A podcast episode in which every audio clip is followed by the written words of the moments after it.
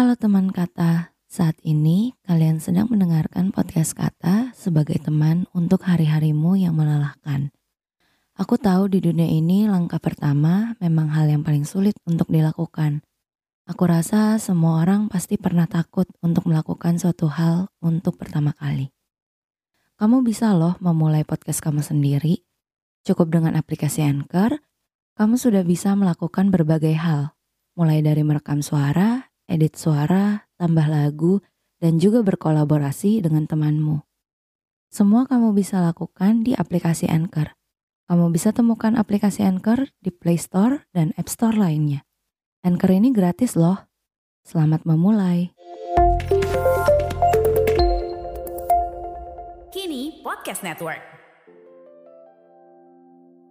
Manusia itu tidak pernah luput dari sebuah kesalahan.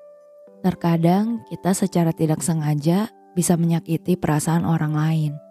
Mungkin niat kita baik, namun yang diterima olehnya ternyata jadi suatu hal yang tidak baik. Di sini kita akan bertemu dengan rasa bimbang dan rasa bersalah. Mungkin kita akan mulai cenderung menyalahkan diri kita sendiri. Mulai dari saat itulah kita akan membangun sebuah habit yang negatif terhadap diri kita. Sebenarnya dengan kita memaafkan orang lain, kita juga sedang memaafkan diri kita sendiri terhadap apa yang kita lakukan.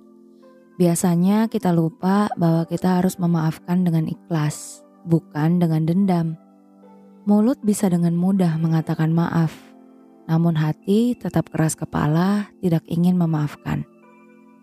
Di podcastku sebelumnya, aku sudah sangat sering membahas tentang memaafkan.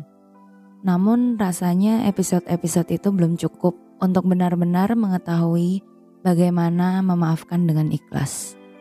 Selalu ada pembahasan tentang maaf, karena maaf adalah hal yang secara teori mudah, namun ketika dilakukan itu sangat sulit. Dia sulit karena dia menggunakan hati dan perasaan. Logika bisa memaafkan, namun hati belum tentu bisa benar-benar memaafkan.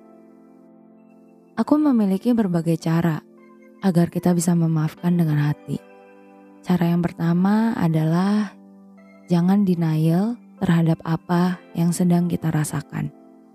Jika sedang kecewa dan sedih, maka kita harus mampu menyalurkannya dengan sehat. Emosi negatif itu tidak perlu dilawan, hanya perlu disediakan wadah untuk menampung. Bisa dengan cara berbagi cerita kepada orang yang dapat dipercaya bisa juga dengan menuliskannya di sebuah buku rahasia, atau mungkin bisa dibawa ke dalam doa. Yang terpenting adalah tidak menyakiti orang lain dengan perasaan negatif yang sedang kita rasakan. Cara yang kedua adalah dengan menenangkan diri sejenak. Mengurung diri sendiri di kamar atau di kamar mandi mungkin memiliki manfaat untuk hati kita kalau sedang lelah, rehat sebentar yuk. Aku tahu dunia ini berjalan dengan sangat cepat. Jika kamu butuh wadah untuk berbagi, mungkin kamu perlu mencoba aplikasi Anchor ini untuk membuat podcastmu sendiri. Bisa di-download dari App Store dan Play Store, atau bisa juga diakses dari website www.anchor.fm. Tak perlu ragu karena aplikasi Anchor ini gratis Download sekarang dan mulailah berkarya. Terkadang memang kita harus jauh dari semua hal yang ada di sekitar kita untuk benar-benar menenangkan diri dan pikiran kita. Bersama diri sendiri tanpa ada gangguan dari orang lain adalah hal yang cukup sehat untuk dilakukan.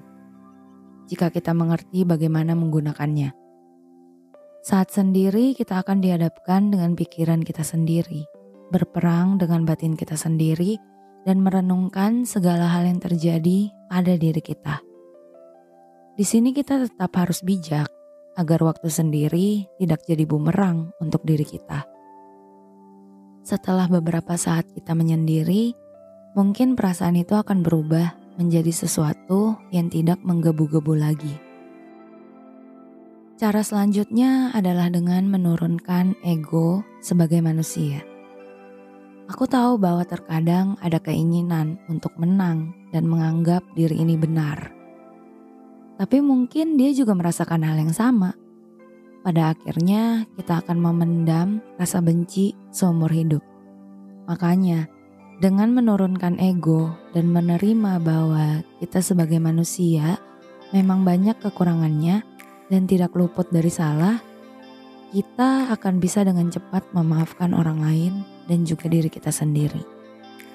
Dengan menurunkan ego dan mungkin meminta maaf duluan, itu adalah cara agar hati kita juga ikut memaafkan. Yang terakhir adalah melupakan, mengikhlaskan, dan melanjutkan hidup. Jika kita sudah bisa menurunkan ego sebagai manusia dan sadar bahwa manusia tidak ada yang sempurna, inilah saatnya kita melupakan emosi negatif yang telah hadir. Mungkin kita tidak akan melupakan sepenuhnya, namun kita bisa belajar untuk tidak mengulangi kesalahan yang sama dan melupakan bahwa kita pernah beradu ego. Tidak semua hal buruk harus kita ingat-ingat di masa depan. Biarkanlah hal itu menjadi masa lalu. Hidup tetap harus berjalan, dan berjalan dengan masa lalu adalah hal yang melelahkan jadi lebih baik kita lupakan hal itu. Ikhlaskan dan lanjutkan hidup. Perkara hal yang sama akan terulang di masa depan, itu adalah urusan nanti.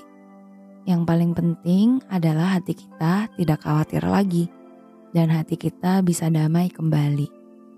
Jika suatu saat ada yang melukai kita lagi, setidaknya hati kita sudah tahu bagaimana caranya untuk sembuh.